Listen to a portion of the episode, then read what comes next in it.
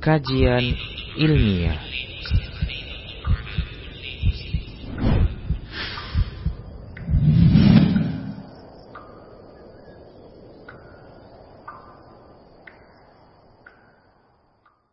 Bismillah. Assalamualaikum warahmatullahi wabarakatuh. Innal hamdalillah nahmaduhu wa nasta'inuhu wa nastaghfiruh wa na'udzu billahi min shururi anfusina wa min sayyiati a'malina.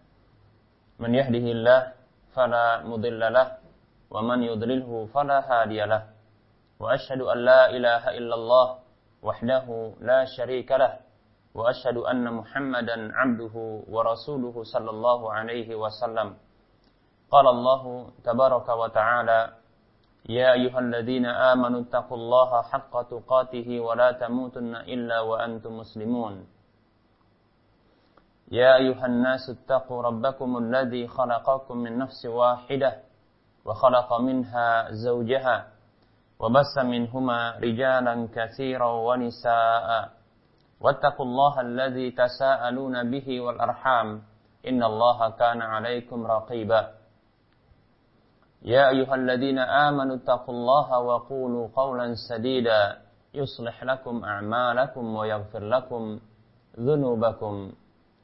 ومن يطع الله ورسوله فقد فاز فوزا عظيما أما بعد فإن أصدق الحديث كتاب الله وخير الهدى هدى رسول الله صلى الله عليه وسلم وشر الأمور محدثاتها وكل محدثة بدعة وكل بدعة ضلالة wa kulla dhalalatin finnar.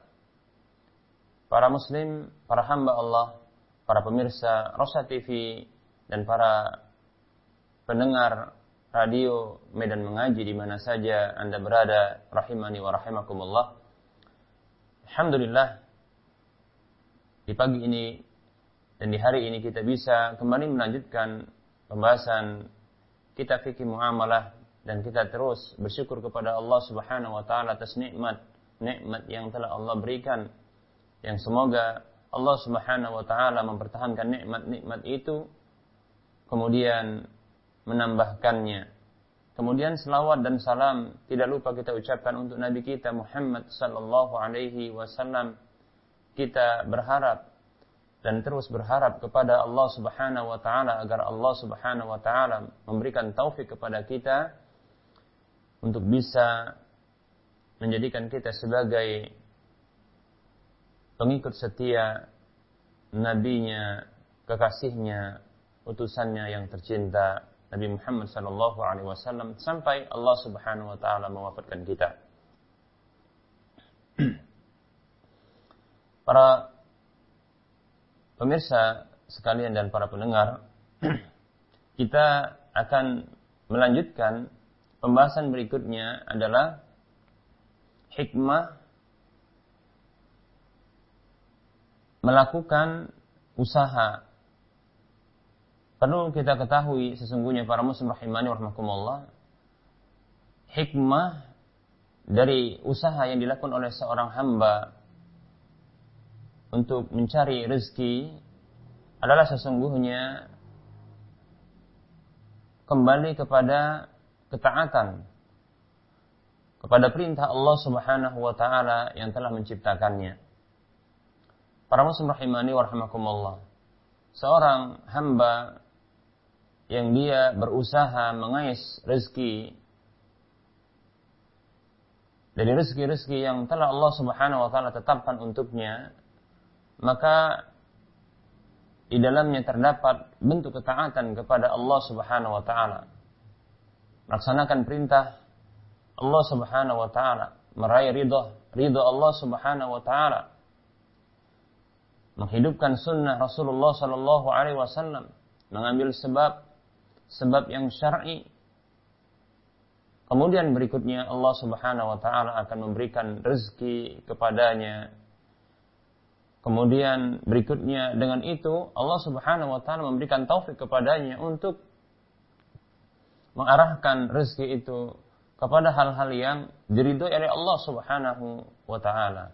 Kemudian ya Allah Subhanahu wa taala juga memberikan taufik kepadanya untuk berikutnya dengan rezeki itu untuk melaksanakan ketaatan-ketaatan kepada Allah yang lainnya.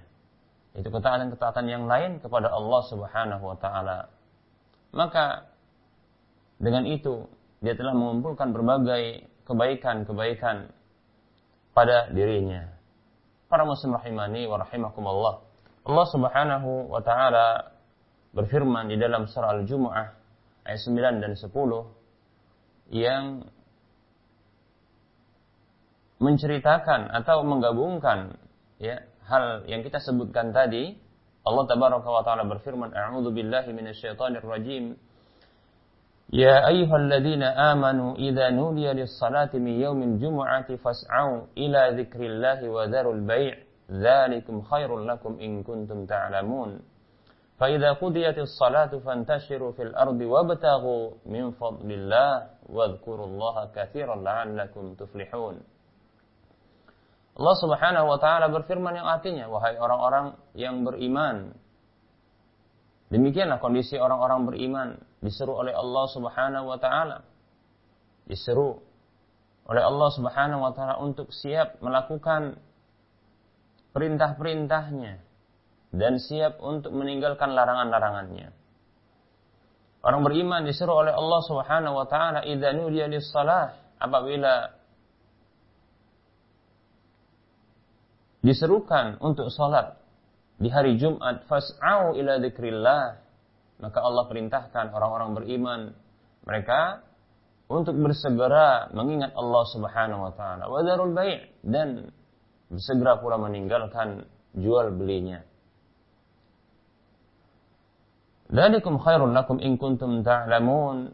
Yang demikian itu lebih baik bagi kalian bila kalian mengetahui. Fa idza qudiyatis salatu fantashiru fil ard, maka apabila telah berlalu atau telah selesai ya, telah diselesaikan salat tersebut, maka bertebaranlah kalian, bertebaranlah kalian di permukaan bumi, wa bataghu min fadlillah dan carilah dari karunia Allah Subhanahu wa taala. Wadhkurullaha la'allakum tuflihun. Dan ingatlah Allah dengan sebanyak-banyaknya agar kalian beruntung. Ini kondisi seorang mukmin para muslim rahimani warahmatullah yang kondisinya senantiasa dalam ketaatan kepada Allah Subhanahu wa taala. Ketika Allah Subhanahu wa taala lewat lisan Rasulullah sallallahu alaihi wasallam memerintahkan umatnya hambanya umat Rasulullah, hamba Allah Subhanahu wa taala untuk mengais rezeki, maka mereka segera pun ya mencari rezeki karena Allah memerintahkan. Mereka tidak berpangku tangan. Mereka tidak menengadahkan tangan kepada manusia. Namun mereka berharap meminta kepada Allah Subhanahu wa taala dan mereka memenuhi perintah Allah untuk mengais rezeki, mencari rezeki yang telah Allah Subhanahu wa taala tetapkan untuknya. Namun ketika mereka mendapatkan perintah Allah Subhanahu wa taala untuk saatnya mereka beribadah kepada Allah Subhanahu wa taala yang ini menjadi hak-hak Allah Subhanahu wa taala maka mereka segera meninggalkan usaha tersebut untuk memenuhi perintah Allah beribadah kepada Allah yang itu menjadi hak-hak Allah Subhanahu wa taala. Dan itu lebih baik. Para muslim rahimani rahimakumullah tentunya. Nah, setelah saya mereka melaksanakan hak Allah Subhanahu wa taala maka kembali mereka mengikuti perintah Allah berikutnya yaitu kembali untuk mengais rezeki, mengais rezeki demikian, mencari karunia Allah Subhanahu wa taala. Sembari mereka mengingat Allah Subhanahu wa taala di dalam jual beli mereka, di dalam mencari rezeki tersebut, agar mereka tidak jatuh kepada larangan-larangan Allah Subhanahu wa taala. Demikian. Ini hikmah ya dari mengais rezeki yang sesungguhnya itu kembali kepada ketaatan Allah Subhanahu wa taala. Kita e, mencoba untuk mengenali hukum jual beli dari sarana-sarana komunikasi yang ada saat ini. Seperti contohnya lewat internet, ya, atau mungkin by phone ya atau ya e, media sosial yang lainnya. Para muslim rahimani warahmatullah jual beli akan menjadi sempurna ya ketika terpenuhinya ijab dan kabul ya akan menjadi uh, sempurna ya ketika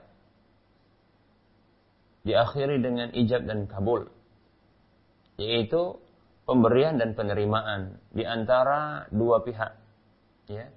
Itu penjual dan pembeli. Sang penjual dia menyerahkan barang. Kemudian sang pembeli ya menerima barang lalu dia dibebankan untuk menyerahkan ya uang sebagai ya imbalan dari barang yang diterimanya seperti itu. Nah terjadinya jual beli ini baik itu di majelis akad yaitu hadirnya kedua belah pihak di satu majelis atau contohnya lewat perwakilan yaitu baik itu penjual ataupun pembeli dia menghadirkan perwakilannya ya atau kedua-duanya menghadirkan perwakilannya untuk melakukan jual beli. Atau dengan melakukan ya akad tersebut itu dengan ya e, tertulis. Maka tertulis yang tentunya ini memiliki kekuatan hukum ya. Makanya seperti ini juga dibenarkan. Atau contohnya dari e, jalur online ya internet dan seterusnya ya begitu juga bisa dengan lewat by phone yaitu dengan telepon seperti itu dan berakhir masa khiar yaitu uh, hak pilih untuk melanjutkan atau membatalkan jual beli tersebut dengan sempurnanya ya uh, tindakan tersebut di antara dua belah pihak yaitu terjadinya ijab dan kabul.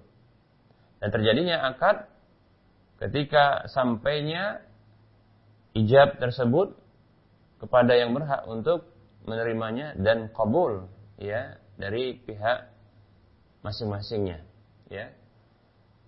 Yaitu ijab dia memberikan ya. Ijab itu maksudnya adalah tindakan yang dilakukan oleh ya salah satu pihak untuk menyerahkan barang. Lalu pihak yang lain dia menerimanya. Seperti itu. Ijab dan kabul. Ijab artinya dia menyerahkan, ya.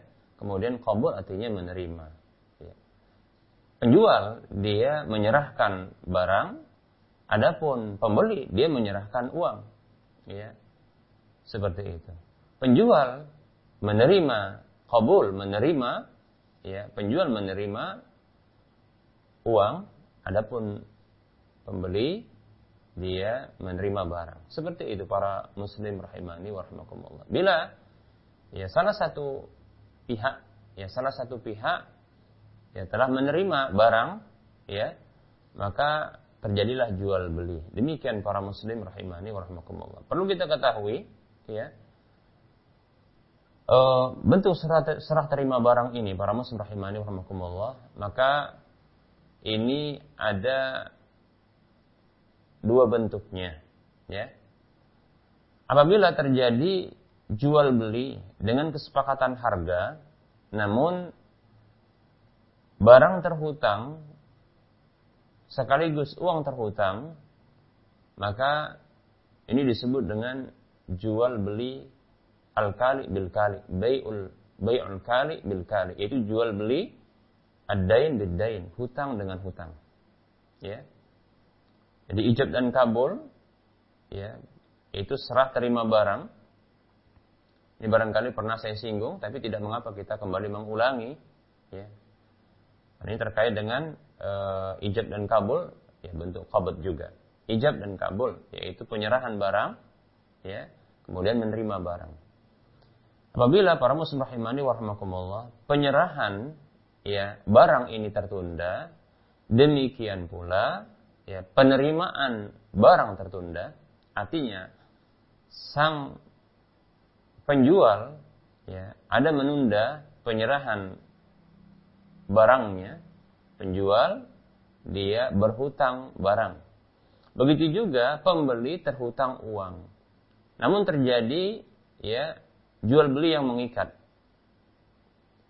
Maka di sini jatuh kepada larangan jual beli bai'ul kali bil kali atau bai'ud dain bid dain, jual beli hutang dengan hutang, terhutang.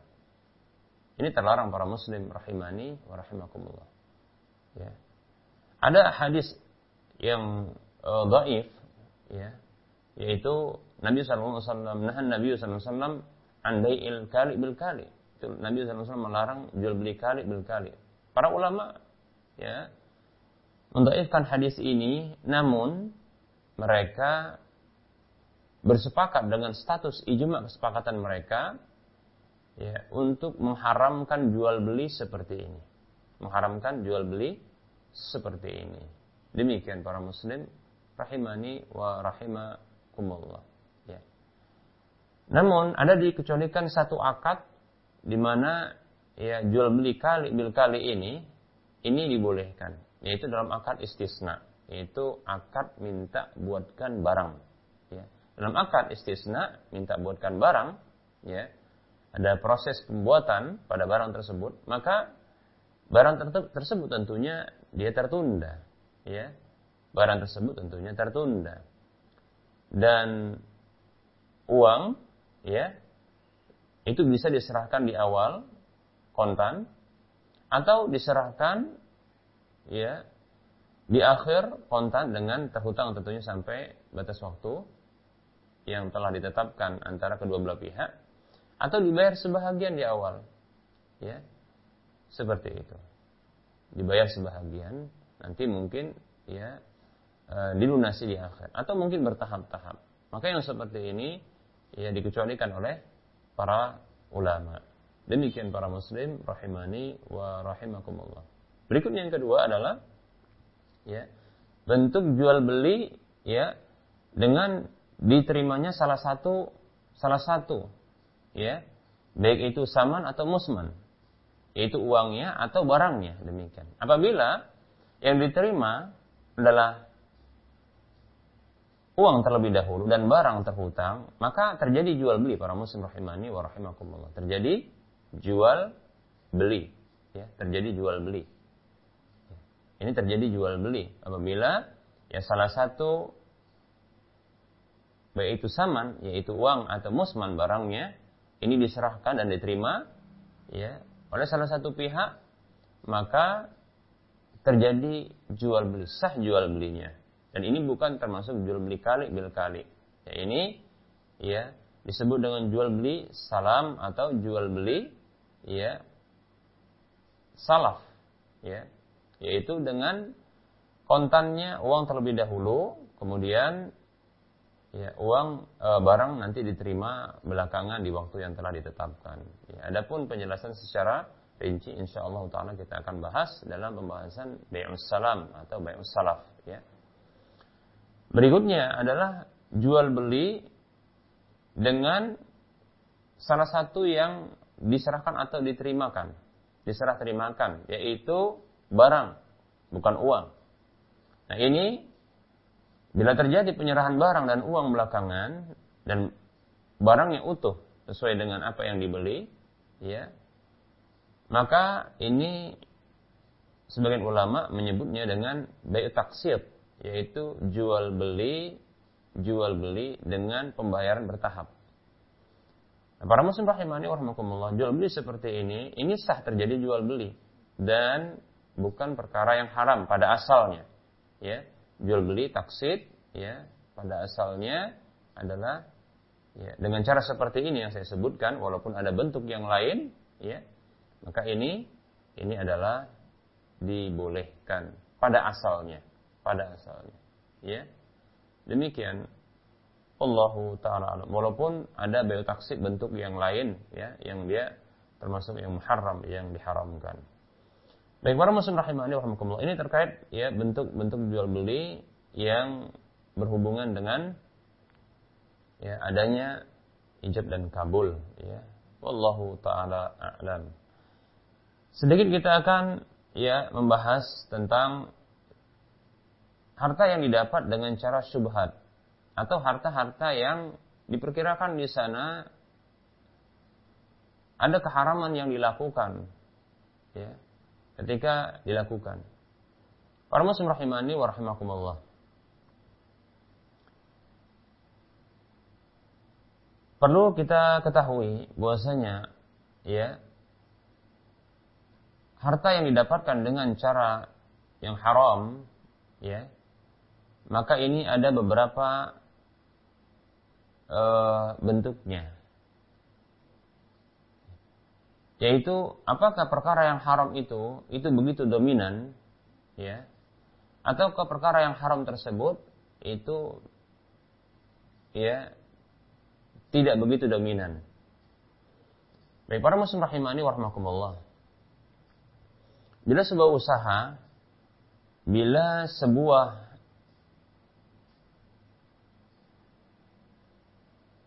cara untuk menghasilkan uang tersebut yang hukum asalnya cara tersebut adalah cara yang halal untuk mendapatkan ya mengais rezeki ya. Namun terlibat di dalamnya atau dimasukkan ke dalamnya sebuah perkara yang haram. Maka para muslim rahimani warahmatullah untuk kehalalan dari usaha ini, maka dilihat sesuatu yang masuk tersebut. Apakah dia dominan ataukah dia hanya uh, apakah dia hanya sedikit saja demikian. Ya. Keharamannya. Baik para muslim rahimani wa rahimakumullah. Apabila sebuah perkara atau sebuah usaha ini hukum asalnya seperti contohnya barang yang diproduksi tersebut adalah barang yang halal. Cara penawarannya juga penawaran penawaran yang halal, ya demikian. Dan juga demikian penggunaan barang tersebut berikutnya juga yang halal, ya. Hanya saja tercampur di dalam uh, proses barang tersebut ini sesuatu yang sesungguhnya sedikit dari yang haram. Kita ambil contoh seperti contohnya jual beli. Ya. Jual beli adalah usaha yang halal di dalam mengais rezeki Allah Subhanahu wa taala. Namun, ya, apabila ternyata dalam jual beli ini ya, tercampur dengan sesuatu yang haram seperti contohnya berdusta, begitu juga tidak menjelaskan cacat barang, ya, atau melakukan sengaja kecurangan, ya, dan seterusnya, bahkan mungkin bersumpah, ya, bersumpah palsu atau melakukan banyak sumpah untuk melariskan barang, maka yang seperti ini, ya, tidaklah menjadikan jual beli tersebut keseluruhannya untuk ditinggalkan, ya, namun para muslim rahimani rahimakumullah, ya, orang tersebut tidak perlu dia untuk meninggalkan jual beli, namun yang perlu adalah dia tinggalkan perkara-perkara yang haram tersebut. Seperti itu. Ya, perkara yang haram tersebut yang harus di, ditinggalkan. Adapun ya, asal asal dari uh, usaha ini adalah dia halal. Demikian para muslim rahimani rahimakumullah. Seperti itu. Adapun cara membersihkannya adalah dengan ya bersedekah. Sebagaimana Nabi Shallallahu Alaihi Wasallam ya bersabda, ya ma'syarat tujari, wahai para pedagang, inna hadhil bai'ah sesungguhnya jual beli ini ya yahduruhu al-kadhibu wal ismu ya jual beli ini dihadiri oleh kedustaan ya kemudian dihadiri oleh dosa riwayat yang lain disebutkan dihadiri oleh syaitan. Dalam ungkapan yang lain disebutkan ini dihadiri juga oleh sumpah-sumpah demikian.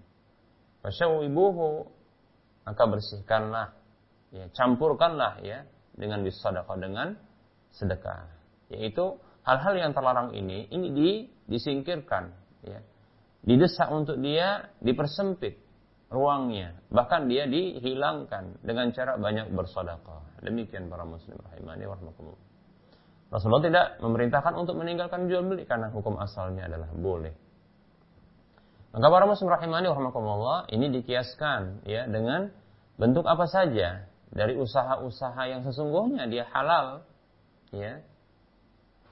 Sesungguhnya dia halal.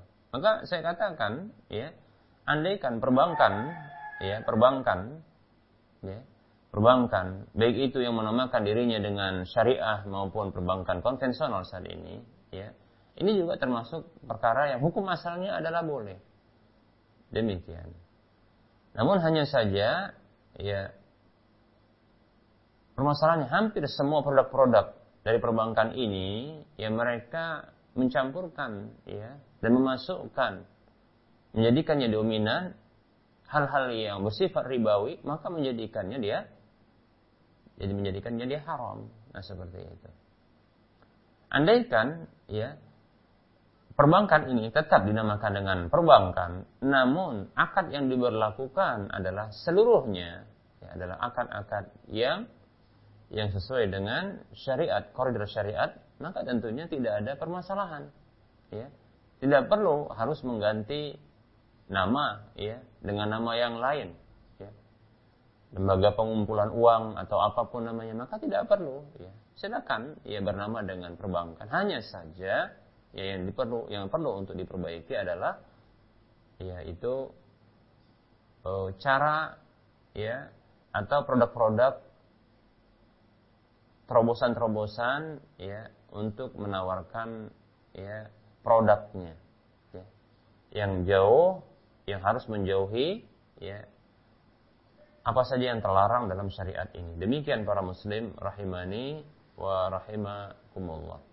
Bentuk yang kedua ya yaitu mengais rezeki yang memang hukumnya adalah halal namun dominannya adalah bercampur dengan perkara yang haram. Maka ya jika tidak bisa untuk dihilangkan maka ini berhukum haram ya dan harus ditinggalkan. Kalau yang pertama tadi, maka silakan untuk berinteraksi dengannya, ya hanya saja berusaha terus untuk meninggalkan perkara-perkara yang haram. Adapun ya bila dia dominan dan ternyata sistemnya tidak bisa untuk dirubah, maka silakan ya beranjak dari tempat tersebut karena ini adalah perkara yang haram karena dominannya adalah haram walaupun hukum asalnya adalah halal. Seperti itu. Ya. Ya, contohnya adalah perbankan tadi kita katakan perbankan, ya karena sistem saat ini belum bisa, ya karena e, perbankan di Indonesia ini mereka bergerak ya dengan jalur pembiayaan, ya sehingga tumpuan untuk penghasilan pendapatan mereka ini dari jalur pembiayaan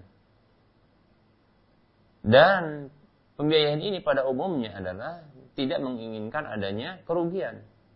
Sementara dalam syariat kita tidak boleh, ya.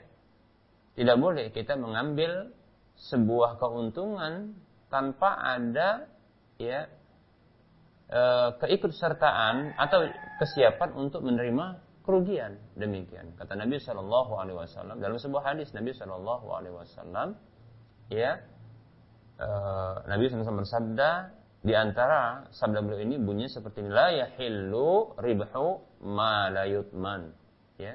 Tidak halal ya. Tidak halal keuntungan sebuah usaha yang tidak ada e, kesiapan untuk menanggung kerugian. Seperti itu. Para muslim rahimani wa rahimakumullah. Dalam syariat kita ya sebuah keuntungan itu harus dibangun di atas kesiapan untuk menanggung kerugian. Makanya dalam ungkapan yang lain ada ungkapan yang dikenal oleh para sahabat. Ya Rasulullah SAW yaitu ungkapan dari Rasulullah SAW al kharaju bid daman ya keuntungan itu berdasarkan adanya ya tanggungan kesiapan menanggung kerugian. Seperti itu para muslim rahimani wa rahimakumullah. Artinya tidak halal. Ya tidak halal. Ya haram. Ya untuk mengambil keuntungan bila tidak ada kesiapan untuk menanggung kerugian. Demikian para muslim rahimani wa rahimakumullah. Maka tinggalkan karena sistemnya memang demikian, tinggalkan. Tinggalkan. Ya. Seperti itu. Kalau mampu untuk merubah sistemnya maka silahkan. Ini bagus sekali ya. Sehingga ya eh, para pengusaha-pengusaha yang membutuhkan ya permodalan dalam hal ini, mereka bisa mendapatkan permodalan yang syar'i dari perbankan-perbankan yang ada. Demikian. Hanya saja sistem sistem ini harus dirubah. Demikian. Sistemnya harus dirubah. Ya, mungkin bisa kita mengambil contoh ya untuk uh, dalam hal ini seperti contohnya Bang Rojhi yang ada di Saudi Arabia ini bagus sekali ya. Ya. Yang insya Allah taala semua produk-produk bank tersebut insya Allah adalah halal sesuai dengan syariat. Ya. Baik para muslim rahimani wa rahimakumullah. Kemudian bentuk ya usaha adalah memang usaha tersebut berikutnya usaha berikutnya bentuknya adalah memang adalah haram sama sekali. Ya. Haram sama sekali. Asasnya adalah haram. Ya contohnya ya uh, adalah yang menjual atau memproduksi ya, memproduksi bahan baku yang dibeli adalah halal ya. Namun yang diproduksi adalah sesuatu yang haram. Contohnya adalah rokok. Ya, perusahaan rokok. Ini jelas ya. Nah, ini ini jelas ya produksi rokok adalah haram. Karena ini ya rokok ini merusak. Sementara ini memproduksi sesuatu yang bisa merusak masyarakat. Bahkan ya ini bisa membunuh masyarakat demikian. Walaupun tidak kontan namun perlahan. Baik para muslim rahimani wa rahmakumullah. Nah bila didapatkan harta-harta yang dia ini syubhat atau harta tersebut adalah harta yang memang haram e, cara perolehannya, maka hendaknya harta-harta tersebut diarahkan untuk menjauhi kemanfaatan pada badan. Para muslim rahimani rahmatullah. Mengapa? Karena ini akan memberikan dampak buruk bagi badan. Ya.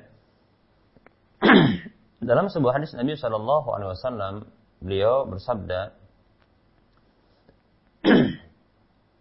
ya sebuah daging yang tumbuh dari harta yang haram, maka neraka itu lebih utama baginya. Ya, hadis yang masyur, ya.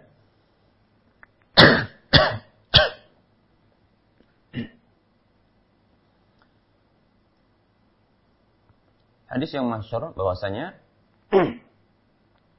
kullu lahmin nabata ya an sahtin fannaru aula bihi atau kama qala sallallahu alaihi wasallam.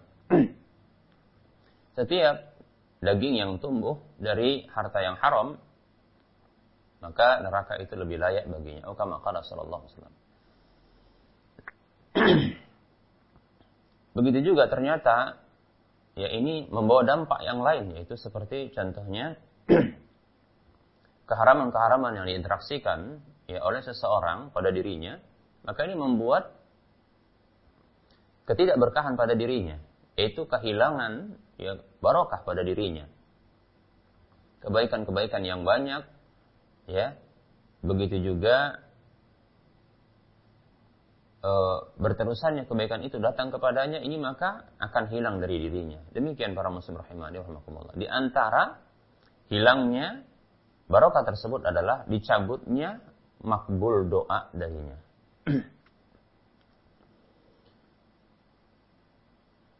Dalam sebuah hadis Nabi Shallallahu Alaihi Wasallam, Rasulullah SAW bersabda, Inna Allah tayyibun la yakbaru illa tayyiban, wa inna Allah amara amara al-mu'minina bima amara bihil mursalin. Wa qala ta'ala Ya ayyuhar rusulu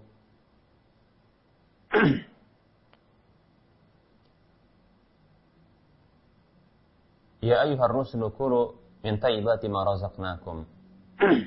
ya ayyuhalladzina amanu kulu min tayyibati ma razaqnakum. Sesungguhnya Allah Subhanahu wa taala adalah zat yang maha baik dan tidak akan menerima kecuali yang baik demikian. Dan Allah Subhanahu wa taala memerintahkan ya kepada orang-orang beriman sebagaimana yaitu dengan apa yang Allah Subhanahu wa taala perintahkan para rasulnya. Allah Subhanahu wa taala berfirman dalam sebuah firman Allah Subhanahu wa taala Ya ayyuhar rusulu ya ayyuhalladzina amanu kulu ya min tayyibati ma razaqnakum Wahai para rasul, makanlah dari apa yang kami telah rezekikan kepada kalian. Makanan yang baik yang telah kami, makanlah yang baik-baik dari apa yang telah kami rezekikan kepada kalian. Demikian. Kemudian Allah berfirman, ya, ya ayyuhar rusulu kulu minat tayyibati wa malu salihah. Ya.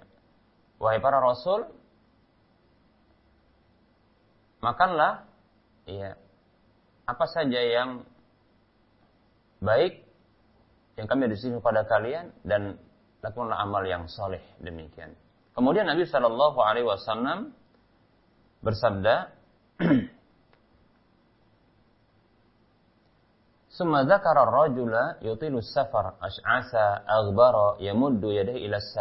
Ya rabbi ya rabbi famat'amuhu haram wa mashrabuhu haram wa malbasuhu haram wa ghudhiya bil haram fa anna yustajabu lahu. Kemudian Nabi Shallallahu Alaihi Wasallam menyebutkan ya seseorang yang dia jauh bersafar, yang jauh bersafar. Orang yang safar tentunya adalah orang yang makbul doanya, karena dalam hadis yang lain Nabi Shallallahu Alaihi Wasallam bersabda, "Salah sudah awatin la turaddu." Ada tiga doa yang tidak tertolak. Ya, di antaranya adalah wada'watul musafiri, doa orang yang safar. Demikian.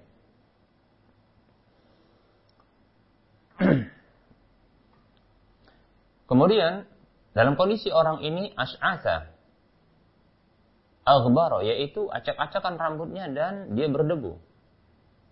Ya mudu ya dia sama, dia mengangkat tangannya ke arah langit, dia meminta kepada Allah. Orang yang safar makbul doanya dia meminta ya dengan sebuah adab. Yaitu apa adab yang yang baik yaitu mengangkat tangan ke langit di mana Rasulullah Shallallahu Alaihi Wasallam mengatakan Inna Allah Hayyun Karimun. Sesungguhnya Allah itu ya zat yang memiliki sifat malu dan karim yang suka memberi mulia karena banyak pemberiannya. Demikian. Sesungguhnya Allah itu malu kepada seseorang dari hambanya tatkala hamba tersebut mengangkatkan tangan ke arahnya dia mengembalikan tangan itu dalam kondisi hampa ya kosong tanpa diberi. Allah malu. Demikian para muslim rahimani wa rahimakumullah. Ini kondisi yang luar biasa. Yang sesungguhnya ya orang yang safar ini dia berhak untuk mendapatkan pengabulan doa. Namun masalahnya adalah orang ini berinteraksi dengan perkara-perkara yang haram. Nabi Shallallahu Alaihi Wasallam mengatakan, wa mat'amu dia setelah dia mengatakan eh, setelah dia mengangkat tangannya ke langit, ya Rabbi ya Rabbi, Wahai Rabbku, wahai Rabbku. Ya, ini juga adab yang luar biasa. Dia panggil Allah Subhanahu wa taala. Dia panggil Allah Subhanahu wa taala ketika berdoa. Ya, nama Allah Rabb demikian, ya. Namun sayangnya, ya, sayangnya bersamaan dia memiliki sebab-sebab pengabulan doa. Kita akan runtut berapa sih sebab pengabulan doa yang dimilikinya, yang dilakukannya. Pertama kondisi safarnya. Yang kedua dalam kondisi dia acak-acakan dan berdebu. Ya. Nah, ini kondisi yang sangat ya e, bisa memunculkan empati manusia saja apabila melihat orang yang betul-betul dia acak-acakan dan dia berdebu lusuh begitu dia mem, dia meminta kepada orang lain maka orang ya ini akan iba kepadanya, ya. Iba dan bisa memberi. Demikian. Nah, kondisi seperti ini. Kondisi yang kedua adalah dia mengangkat tangan ke langit. Ya. Yang Allah malu untuk tidak memberikan ya eh, permintaannya demikian. Kemudian berikutnya adalah ya, dia ini menyebutkan nama-nama Allah Subhanahu wa taala. Contohnya ya Rabbi ya Rabbi.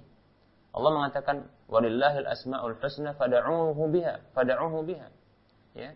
Allah memiliki nama-nama yang maha indah, maka berdoalah kepada Allah dengan ya menyebutkan nama-nama tersebut. Jadi dia memiliki empat ya empat ini yang saya dapat sebutkan ada empat sebab ya terkabulnya doanya. Kondisi safar, kondisi yang begitu iba, acak-acakan dan berdebu, kemudian mengangkat tangan ke langit lalu menyebutkan ya nama-nama Allah Subhanahu wa taala.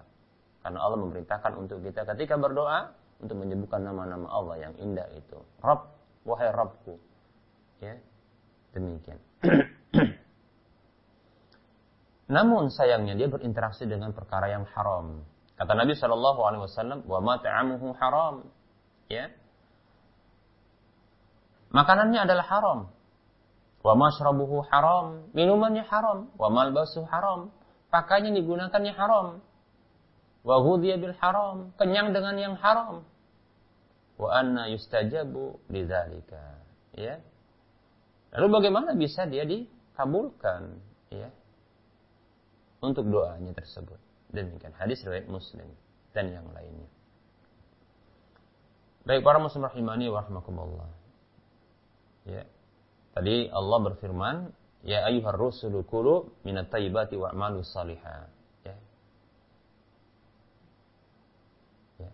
Allah berfirman, "Wahai para rasul, ya makanlah dari perkara-perkara baik atau hal-hal yang baik yang yang dirizkikan oleh Allah, ya." dan beramallah dengan amal yang soleh demikian. Adapun ya uh, firman Allah untuk orang-orang beriman, ya ayyuhalladzina amanu kulu min thayyibati ma razaqnakum. Wahai orang-orang beriman, ya makanlah dari ya hal-hal yang baik apa yang telah kami rizkikan kepada kalian. Demikian. Baru Rasulullah menyebutkan tadi orang yang bersafar tersebut. Ya. Hadis ini sahih ya. Baik para muslim rahimani wa rahimakumullah. Nah ini ya sebuah harta yang diharam, maka jangan sampai seseorang itu ya memasukkan ke dalam tubuhnya sesuatu yang haram. Baik itu berupa makan ataupun minuman. Maka ini ya akan berdampak buruk bagi dirinya. Demikian para muslim rahimani warahmatullah. Maka tentunya apabila didapatkan harta ini harta yang dia haram, baik itu ya memang harta tersebut adalah zatnya adalah haram, ini sudah pernah kita bahas bahwasanya harta haram itu ada dua bentuknya. Yang pertama adalah zatnya memang haram, kemudian yang kedua adalah ya cara perolehan yang haram, maka ini harus dijauhkan dari badan, ya. Jangan sampai badan kita ini berinteraksi ya dengannya. Demikian para muslim rahimani wa rahimakumullah. Mengapa? Karena pengaruhnya sesungguhnya bukan hanya pada badan, bahkan ini bisa ya kepada tunggangan, ya bisa kepada anak dan istri dan seterusnya. Demikian para muslim rahimani warahmatullah. Lalu bagaimana ya harta ini ya Bila dia zatnya haram, maka sama sekali tidak bisa ya dimanfaatkan kecuali memang harus dibuang demikian, ya. Harus dibuang.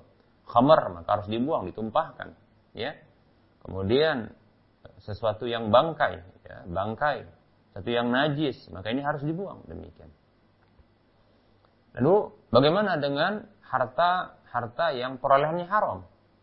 Perolehannya haram. Maka ini sudah pernah kita sebutkan, maka silahkan ya ya para ulama berbeda pendapat tentang masalah ini. Saya condong ini boleh diarahkan kepada yang lain dan sebaiknya tidak juga diinteraksikan ya, sebaiknya walaupun ya boleh sesungguhnya bagi orang yang menerimanya untuk memanfaatkannya ya karena halal bagi dirinya.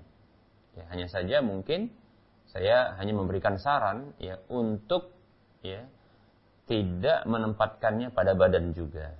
Ya. Contohnya mungkin untuk uh, ya barang-barang yang ada di rumahnya seperti itu ya demikian tidak untuk diinteraksikan dengan badan ya apalagi ya untuk dikonsumsi berupa makanan atau minuman ya wallahu taala alam walaupun kembali kita katakan bahwasanya dalam masalah ini ya pendapat yang kuat adalah yaitu terkait dengan uh, harta haram dari sisi perolehannya bila dipindah tangankan kepada orang lain maka halal bagi orang tersebut untuk menerimanya asalkan tidak ada ya eh, indikasi pembenaran terhadap tindakan keharaman yang dilakukan oleh orang yang memberikan harta itu. Ya demikian maka boleh bagi orang yang menerimanya untuk ya mempergunakan dan itu karena milik dia demikian ya, itu boleh hanya saja saya sarankan ya, saya sarankan kalau kalau dia mengetahui bahwasanya ini adalah hal yang haram, ya, maka hendaknya e, dijauhkan untuk diinteraksikan dengan ya dengan apa saja yang bisa dimasukkan ke dalam mulutnya itu berupa makanan atau minuman. Wallahu taala. Baik berikutnya para muslim rahimani wa rahimakumullah.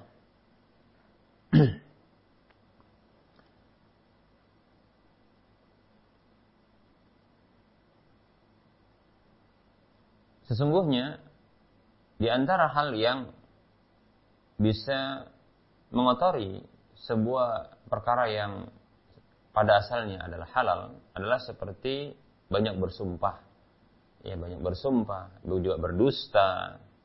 Ya yang ini bisa menghilangkan keberkahan. Ya.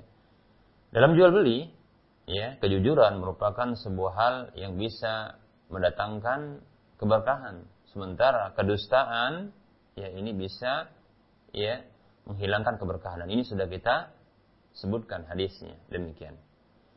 Ternyata hal yang juga bisa menghilangkan keberkahan ya adalah banyak bersumpah ya. Banyak bersumpah dalam jual beli. Ya. Sesungguhnya sumpah itu para muslim rahimani rahimakumullah dibenarkan dalam syariat kita. Karena ini untuk menguatkan ya menegaskan dari sebuah perkataan apa yang kita nyatakan. Hanya saja ya sumpah tersebut harus dia nyata ya. Kemudian bukan untuk menguatkan perkara yang haram ya. Kemudian sesuatu yang dengannya digunakan sumpah tersebut harus dengan nama Allah Subhanahu wa taala ya. Karena tidak boleh menggunakan selain nama Allah Subhanahu wa taala. Man halafa bi ghairi faqad asyraka.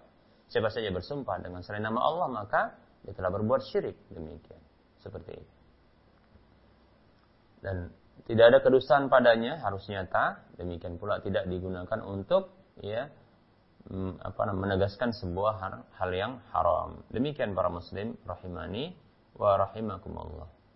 Nah, ternyata banyak bersumpah ya untuk menegaskan, menguatkan pernyataan ya, di dalam jual beli. Nah, ini ternyata bisa menghilangkan ya keberkahan, bisa menghilangkan keberkahan. Demikian. Ya. Betul ya bahwasanya sumpah ini ya bisa melariskan dagangan, tentu. Ya. Seorang penjual ketika dia menjual dagangannya, lalu dia bersumpah. Ya bersumpah demi Allah katanya, ya. Barang ini demikian, ya, barang ini demikian, modalnya sekian, demikian seorang muslim mukmin ya, begitu disebutkan nama Allah dalam sumpah nah tentunya dia ya mengimani menghargai ya sebagai bentuk penghargaannya bisa jadi dia ya mempercayai demikian. Menimbulkan kepercayaan keyakinan demikian. Seperti itu. Nah, akhirnya sang calon pembeli tersebut membeli barang itu karena sumpah yang dilakukan. Nah, apabila seorang penjual dia banyak bersumpah di dalam jual belinya, maka sesungguhnya ini bisa menghilangkan keberkahan, ya, bisa menghilangkan keberkahan. Nabi Shallallahu Alaihi Wasallam bersabda dalam sebuah hadis yang diriwayatkan oleh Muslim, "Iyyakum wa kasratal halifi fil bai'i." Ya, jauhi oleh kalian, jauhi oleh kalian, ya, banyak bersumpah di jual dalam jual beli, ya. jauhi oleh kalian banyak bersumpah dalam jual beli. Ya. Fa innahu yunaf yunafiqu ya summa yamhaqu. Ya. Sesungguhnya sumpah itu betul ya, sumpah itu itu bisa melariskan dagangan. Namun kemudian dia menghancurkan, menghilangkan keberkahan. Demikian. Para muslim rahimani wa rahimakumullah. Ya, antara keberkahan yang hilang tersebut para muslim rahimani wa adalah keuntungan. Berikutnya, di waktu berikutnya. Di mana contohnya? Ternyata sang pembeli, ya sang pembeli dan banyak pembeli, itu ternyata dirugikan dan merasa tertipu, tercurangi, didustai, dibohongi. Ya, ternyata sumpah tersebut sumpah ya palsu. Demikian ya. Sumpahnya tidak benar. Akhirnya ya pada kali berikutnya ya para pedagang tidak lagi, eh, para pembeli tidak lagi menghampirinya. Dan dia tidak mendapatkan keuntungan. Akhirnya gulung tikar tutup demikian para muslim rahimani wa rahimakumullah baik nah ini dia ya di antara uh, pembahasan kita insya Allah taala pada waktu mendatang kita akan lanjutkan kembali pembahasan kita. Ya. Wallahu taala alam. Kita masuki sesi soal jawab.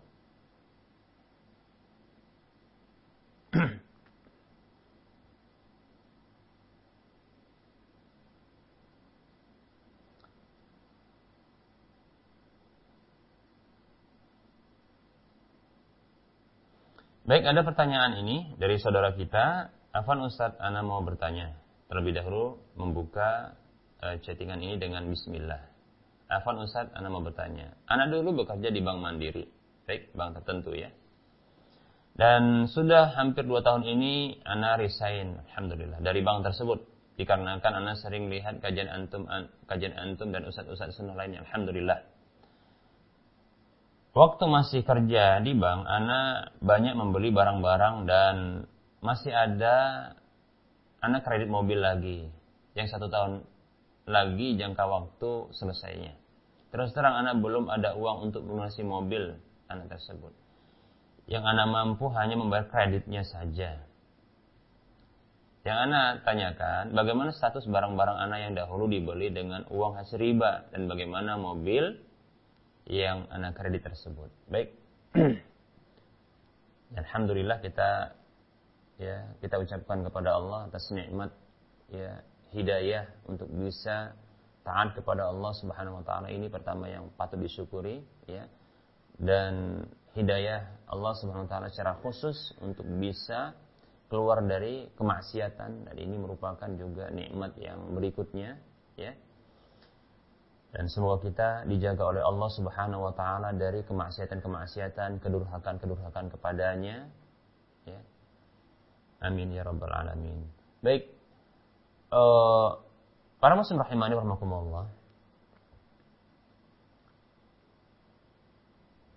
Apa yang didapatkan ketika seseorang melakukan riba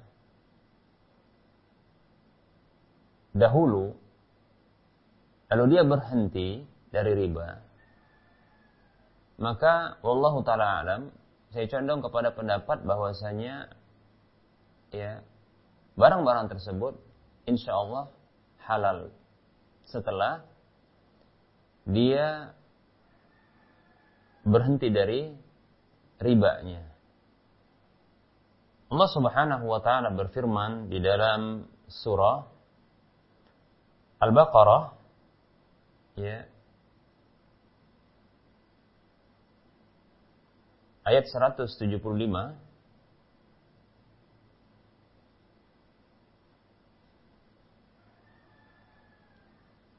Allah berfirman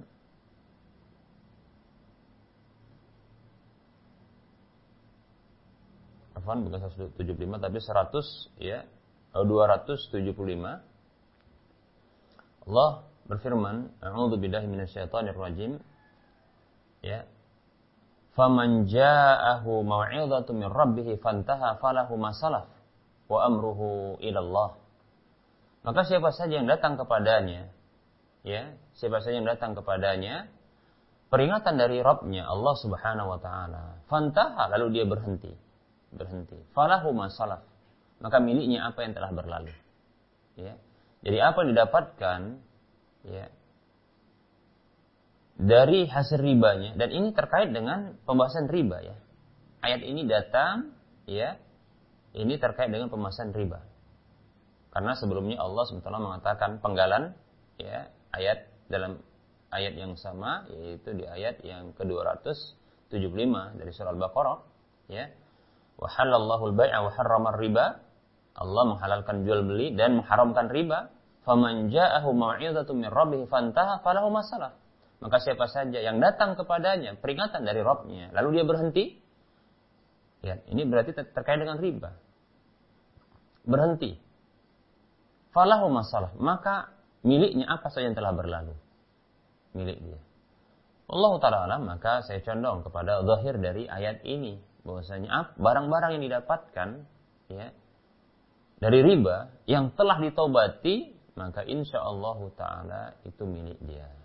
Demikian ya. Seperti itu. Hanya saja ada tersisa dengan dari kasus yang ditanyakan ini yaitu mobil yang belum selesai. Mobil yang belum selesai. Baik, e, maka dalam hal ini bagaimana konsekuensi tobatnya? Konsekuensi tobatnya, ya. Maka jika memiliki aset, jika memiliki aset untuk bisa segera menyelesaikan ya aset lain tentunya. Ya aset lain. Ya untuk menyelesaikan ya hutang ribanya tersebut yaitu hutang yang muncul karena akad riba. Ya karena tentunya jual beli ya dengan melibatkan pihak ketiga sebagai pemberi piutang ya maka ini adalah akad riba demikian ya. Maka ya segerakan ya aset tersebut dijual lalu menutup hutang tersebut demikian.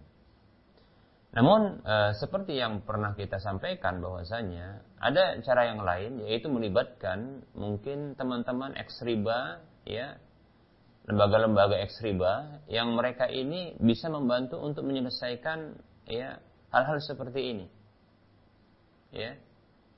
Ada masyarakat anti riba ya dan seterusnya ya ini bisa melibatkan diminta tolong. Ya bagaimana?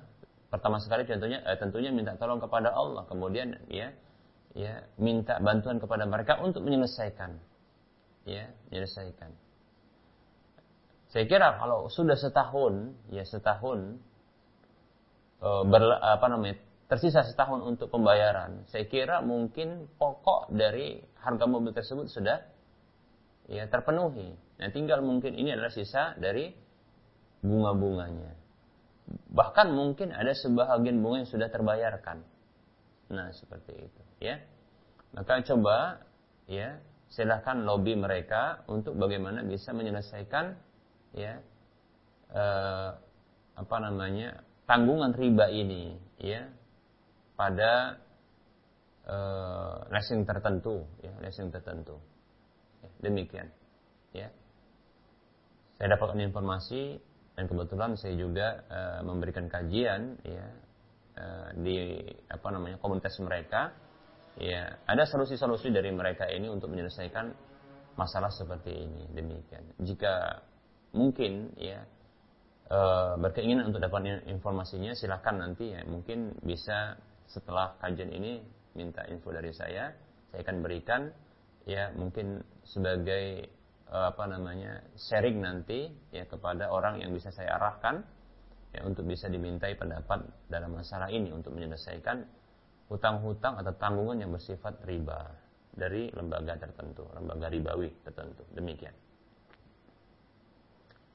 Baik, Allah taala alam itu yang bisa saya jawab untuk uh, kasus ini. Kita buka lagi sesi yang lain. Baik.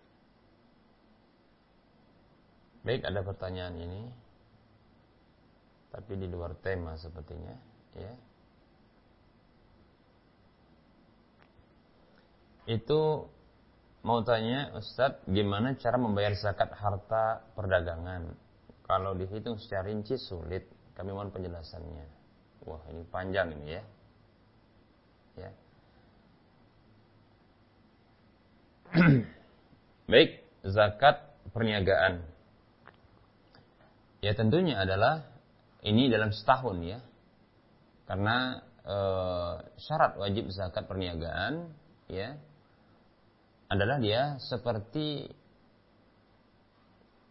syarat yang sama pada zakat ya nakdain yaitu emas dan perak atau e, alat-alat e, tukar seperti uang yang disimpan ya demikian yaitu bulughun nisab dan haulanul haul.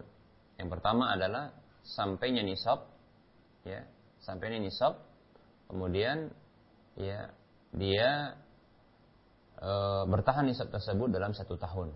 Demi ini syarat yang kedua. Seperti itu. Baik para muslim rahimani warahmatullah.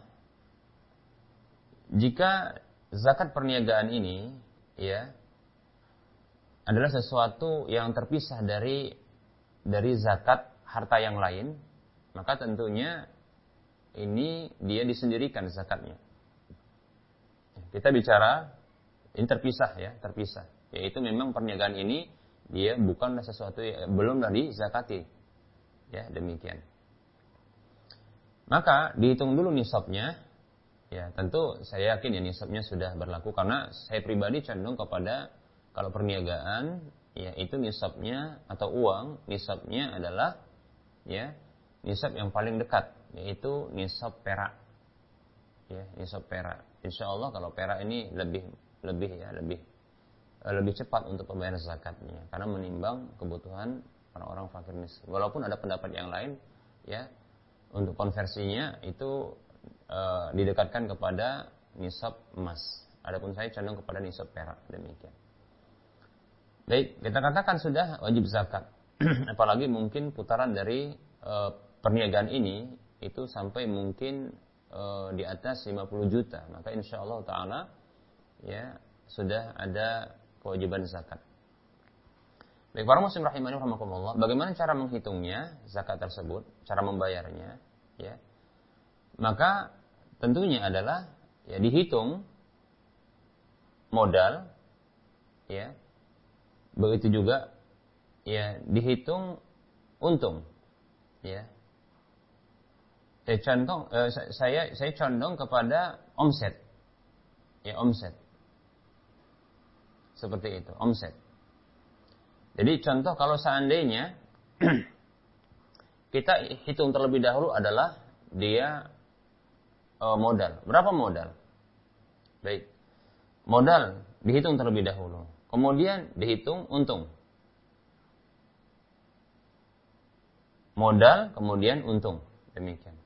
Apabila ternyata dari e, modal tersebut adalah modal yang tetap, tapi dia terus dia mendatangkan keuntungan. Ya. Contohnya setelah e, modal diberikan barang, dibelikan barang, ya, maka setelah dijual kembali maka ada keuntungan. Kemudian modal tersebut dibelikan barang lagi maka modal ini tidak perlu di, ditambahkan pada perhitungan berikutnya. Cukup saja modal yang sama, hanya saja berapa keuntungan. Ya, keuntungan, seterusnya, demikian. Jadi modal dengan keuntungan. Ya. Kemudian berikutnya adalah e, sebagian pendapat memasukkan ya ini barang-barang yang belum laku. Ya, yang masih tersimpan, ya, yang masih tersimpan. Ini sebagai pendapat ya. Sebagian pendapat mereka mengatakan bahwasanya ini barang-barang yang belum laku ya ini dia di dihitung ya sebagai pendapat. Baik pendapat yang lain mengatakan bahwasanya barang-barang yang belum laku ini maka dia tidak dimasukkan dalam perhitungan zakat yang tidak disakati kecuali apabila barang tersebut dipastikan laku di tahun yang sama Nah, demikian, ya. Begitu juga berikutnya adalah saya condong kepada pendapat yang ini, pendapat yang kedua, yaitu apa? Bahwasanya barang-barang yang belum laku, ya, ini apabila diprediksi akan laku pada tahun yang sama, maka silahkan dimasukkan. Namun bila dia belum laku, ya, maka dia dimasukkan nanti pada berikutnya. Dan juga belum, belum laku maka tidak dimasukkan sampai dia laku. Artinya adalah yang dihitung adalah barang-barang yang telah laku. Yang dia modal ada ini keuntungan. Modal, keuntungan. Bila modalnya tetap modal ya. Kemudian dibelikan barang atau dijadikan barang, kemudian dijual, ya, ada keuntungan, kemudian modal lagi diolah lagi, demikian. Atau contohnya keuntungan tersebut ya dia digabungkan dengan keuntungan yang ada untuk menghasilkan barang, maka ini terhitung modal. Ya, seperti itu. Ya, artinya pertambahan, ya, pertambahan. Seperti itu. Saya condong, ya tadi saya katakan, barang-barang yang belum laku, maka di tahun tersebut, maka saya condong untuk tidak dimasukkan. Demikian. Kalau mau dimasukkan, maka tahun depan tidak perlu dimasukkan. Seperti itu. Kalau mau di, di apa? Di, tidak dimasukkan untuk perhitungan zakat tahun tersebut, maka tidak masalah. Berikutnya adalah hutang-hutang dagang. Hutang-hutang dagang, ya. Yaitu hutang yaitu hutang ya kepada para pembeli contohnya, rekan-rekan dagang. Bila hutang tersebut adalah hutang-hutang yang dia memang akan dibayarkan di tahun tersebut, maka dimasukkan. Namun bila akan dibayarkan pada tahun berikutnya maka tidak dimasukkan. Nah, seperti itu. Ya, seperti itu, ya. Jadi modal, kemudian keuntungan. Modal dan keuntungan. Barang-barang yang tidak laku, maka ini wallahu alam saya condong ini ya bahwasanya ini tidak dimasukkan dalam perhitungan terlebih dahulu sampai dia laku. Begitu juga hutang-hutang dagang, ya, hutang-hutang dagang yang masih ada pada para pembeli, ya, atau rekan-rekan dagang, maka bila dibayarkan di tahun tersebut, maka dimasukkan. Bila dibayar jatuh temponya tahun depan, maka tidak perlu dimasukkan. Seperti itu. Sudah dapat kumulatifnya, keseluruhannya, baru dikeluarkan seperempat puluhnya atau dua setengah persennya. Dan tentunya setelah dikeluarkan biaya operasional. Apa biaya operasional? Contohnya, bila ternyata uh, apa namanya uh, menyewa gedung maka sewa gedung. Ya sewa gedung dalam setahun. Ya. ini dimasukkan. Begitu juga contohnya untuk bioprofesional yang lain seperti uh, biaya peng, apa namanya biaya listrik. Ya begitu juga contohnya kalau ada uh, pegawai yang bekerja di sana. Ya maka ini juga dikurangi biayanya jelas dikurangi biaya operasional Kalaupun seandainya dalam selama dalam setahun ini ternyata juga ya pedagang tersebut dia mengambil sebahagian untuk untuk kebutuhan hariannya, rumah tangganya, maka ini juga termasuk operasional. Ya. Karena dia bagaikan manajer dalam hal ini kan begitu. Maka seperti itu. Maka sisa dari biaya operasional ini dilihat apakah masih ada apa namanya satu satu nisabnya masih masih dalam satu masih, masih dalam nisabnya yaitu masih dalam batas harta minimal yang wajib dizakati. Demikian. Kalau masih maka dikeluarkan. Ya. Saya ulangi. Ya. Dihitung secara kumulatif. Ya. Berupa modal ditambah dengan keuntungan-keuntungan dalam setahun sudah. Kemudian hutang hutang dagang ya bila dibayarkan di tahun tersebut bila tidak maka tidak perlu dimasukkan. Begitu juga barang-barang yang akan laku di tahun tersebut. Kalau tidak laku contohnya ada barang yang dipesan dan akan dibayar contohnya di akhir tahun contohnya. Nah kan seperti ini atau dikirim di akhir tahun akan dibayar sekaligus maka yang seperti ini dimasukkan tapi tanya kepastian dulu, ya apakah jadi beli atau tidak demikian. Ya. Kalau belum laku maka tidak dimasukkan seperti itu. Dikumulatifkan, kemudian dikurangi dengan biaya operasional. Ya. Dilihat sisanya. Apabila sisanya ini masih dalam nisab atau di atas nisab, ya batas minimal harta yang wajib dizakati. Berapa sih nisab? Saya condong tadi nisabnya adalah uh, nisab perak. Perak itu 595 gram perak. Murah sekali. Kalau 100 eh, maaf kalau dia 10 ribu ya cuma sekitar 5 jutaan sekian. ya hampir 6 juta demikian. Kalau di atas ini atau sama dengan ini ya sisa dari apa e, pengurangan tersebut kumulatif plus apa dikurangi dengan apa namanya dengan biaya operasional maka ya bila masih dalam nisab silahkan dikeluarkan dua setengah persennya seperti itu dua setengah persen atau seperempat puluhnya wallahu taala alam seperti itu ya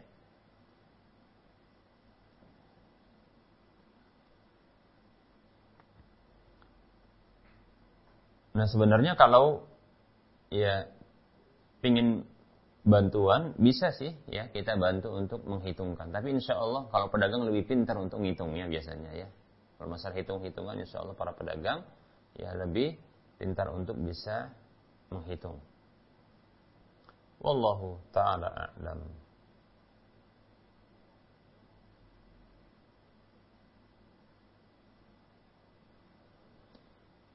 Baik, pertanyaan berikutnya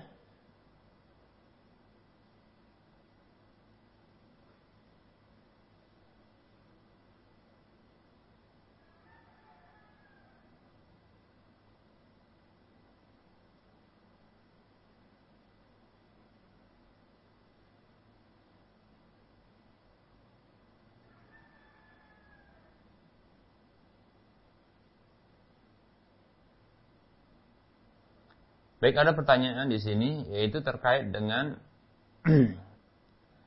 uh, contoh kasus seseorang yang memohon bantuan kepada mantan bos orang kafir. Ya.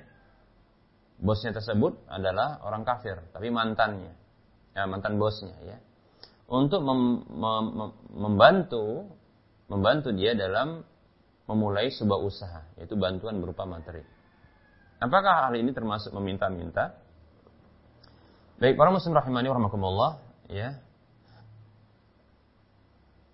Jika yang dimaksud dengan meminta bantuan ya kepada si bos ini atau apa namanya mantan bos ini adalah meminta bantuan berupa hutang yaitu kepada bosnya tolong beri saya hutang sekian dan sekian untuk usaha karena bosnya dengan dia ada hubungan baik begitu ya. Maka ini dibolehkan insya Allah Ta'ala. Ya dengan syarat tentunya mampu bayar. Ya mampu bayar. Ya. Atau mampu untuk memberikan jaminan sebesar hutang kalau diminta. Ya, sebesar hutang atau lebih. Atau kurang dari itu. Tapi saya kira sebaiknya lebih untuk nanti untuk memberikan keamanan, jaminan bagi dirinya juga. Demikian. Nabi Shallallahu Alaihi Wasallam sendiri ya, itu pernah berhutang, ya, walaupun bukan untuk bisnis, ya, maksudnya bukan untuk berusaha, tapi ini sebagai dalil bahwasanya Rasulullah SAW itu pernah berhutang, ya berhutang, dan beliau memberikan jaminan, gadaian. Ada sebuah hadis yang diriwayatkan oleh Imam Bukhari Muslim dari Aisyah radhiyallahu anha beliau mengatakan, ya, karena Rasulullah sallallahu alaihi wasallam ishtara ta'aman min Yahudiyin ila ajalin warahanahu dir'ahu. Ya. Atau dir'an lahu min hadidin. Hadisnya riwayat Bukhari Muslim.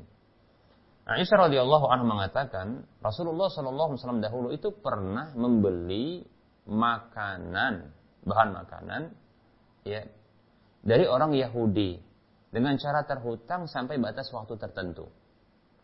Dan beliau menggadaikan ya baju besi milik beliau yang terbuat dari besi ya, baju perang ya milik beliau yang terbuat dari besi. Hadis riwayat Bukhari Muslim. Nah, kalau demikian yaitu uh, meminta bantuan dalam hal yang memberikan apa namanya hutang kepada dirinya, maka dibolehkan. Dibolehkan. Ya. Seperti itu.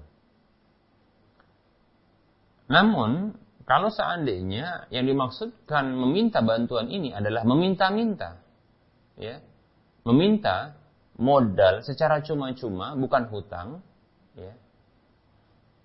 Sementara dia memiliki peluang lain untuk bisa mencari rezeki tanpa harus ya dengan cara berhut apa dengan cara meminta. Bisa jadi contohnya dia memulai dengan dengan dagang, ya. Tidak mesti harus dengan cara usaha yang dimaksud ya, dengan butuh biaya sekian ya. Sehingga dia harus ya meminta kepada mantan bosnya. Maka tentunya cara ini meminta-minta seperti ini termasuk meminta-minta yang di, diharamkan, dilarang demikian ya termasuk yang dilarang demikian dalam sebuah hadis Nabi Shallallahu Alaihi Wasallam yang diriwayatkan oleh Imam Abu Daud ya. Nabi Shallallahu Alaihi Wasallam bersabda man sa'ala wa indahu ma yughnihi fa innama yastaksiru minan nari. Siapa saja meminta-minta kepada orang tentunya ya. Sementara dia memiliki dia memiliki sesuatu yang mencukupinya ya, mencukupinya. Maka sesungguhnya dia hanyalah sedang ya, memperbanyak api neraka. Para sahabat bertanya, ya, Wa ma yughnihi ya Rasulullah? Apa yang mencukupinya? Dalam dalam ungkapan yang lain pertanyaan mereka adalah wa mal ghina alladzi la yanbaghi ma'ul mas'alah? Ya.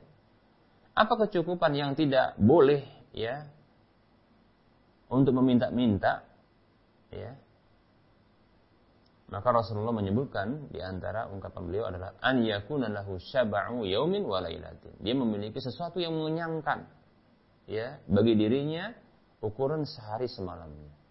Kalau ukuran sehari semalam contohnya, contohnya adalah dia 100 ribu. Dia punya itu, 100 ribu dia punya.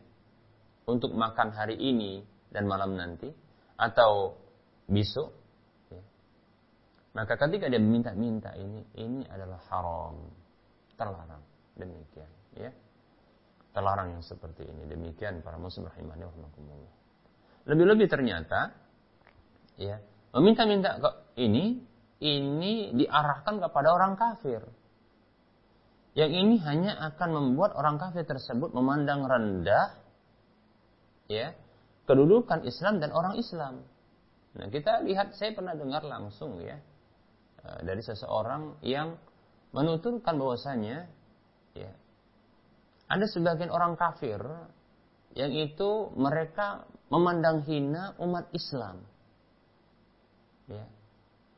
Sembari mencibir demikian. Coba siapa yang memenuhi ya lampu merah jalanan kata mereka. Siapa coba? Ya. Kasusnya adalah uh, saudara kita ini menikahi ya menikahi anak dari uh, anak dari orang tua yang masih kafir demikian anaknya alhamdulillah sudah apa namanya sudah masuk Islam ya alhamdulillah dan bagus agamanya insya Allah ya hanya saja ketika mengajak ini mertuanya untuk masuk Islam ya ternyata ada keengganan orang tua orang tuanya ini, yaitu mertuanya, untuk masuk Islam. Mengapa? Dikarenakan dianggap bahwasanya para pemeluk agama Islam ini adalah orang-orang hina, yang rendah. Ya, yang kumuh. Ya. Kumuh, kemudian uh, hina. Kenapa? Kumuh. Ya, dari pakaiannya lusuh begitu. Ya. Kemudian hina. Kenapa? Meminta-minta ya seperti itu ya dia saya ingat kalau nggak kalau tidak salah ungkapannya adalah ya terkait dengan yang orang-orang yang memenuhi jalanan di lampu merah. Ah demikian. Siapa juga yang meminta-minta di lampu merah? Ini saya makanya kita katakan ya kaum muslimin ini masya Allah kita katakan mereka tidak sadar dengan apa yang dilakukan. Andainya ketika mereka ya melakukan profesi meminta-minta ini, mereka menampakkan tampilan ya tampilan dia orang Islam, memakai topi, peci, ya topi lobe begitu ya. Kemudian peci, kalau yang perempuan jilbab demikian.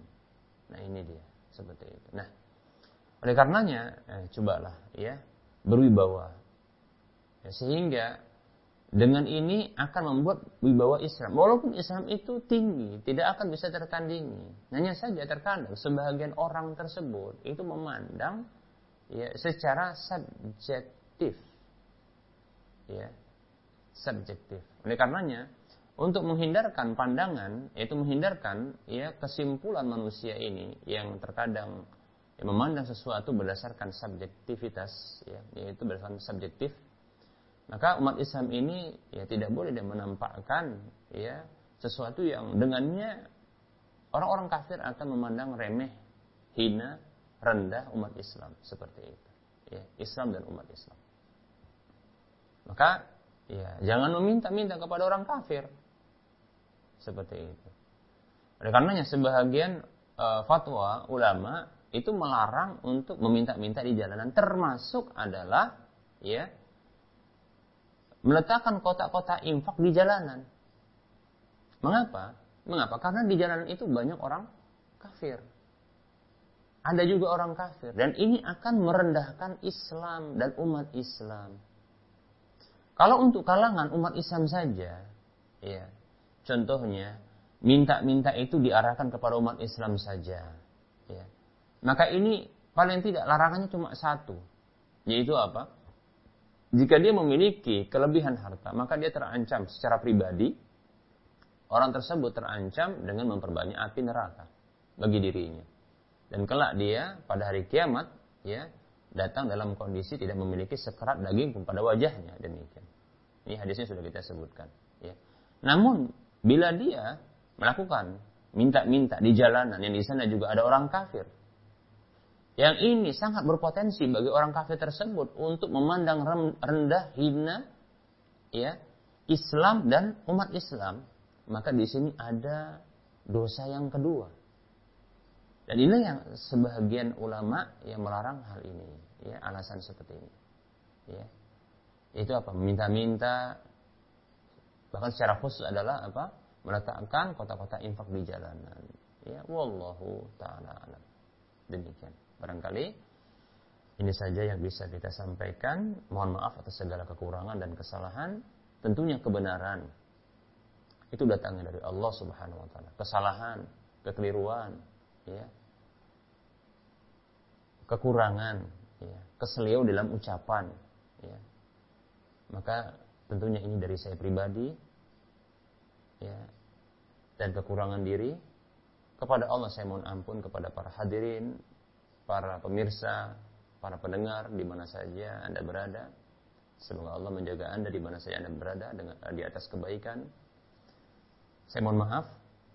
Saya tutup dengan ungkapan wassallallahu ala Muhammad wa ala alihi wa ashabihi ajma'in. Subhanakallahumma wa bihamdika asyhadu an la ilaha illa anta astaghfiruka wa atubu ilaika walhamdulillahi rabbil alamin. Wassalamualaikum warahmatullahi wabarakatuh.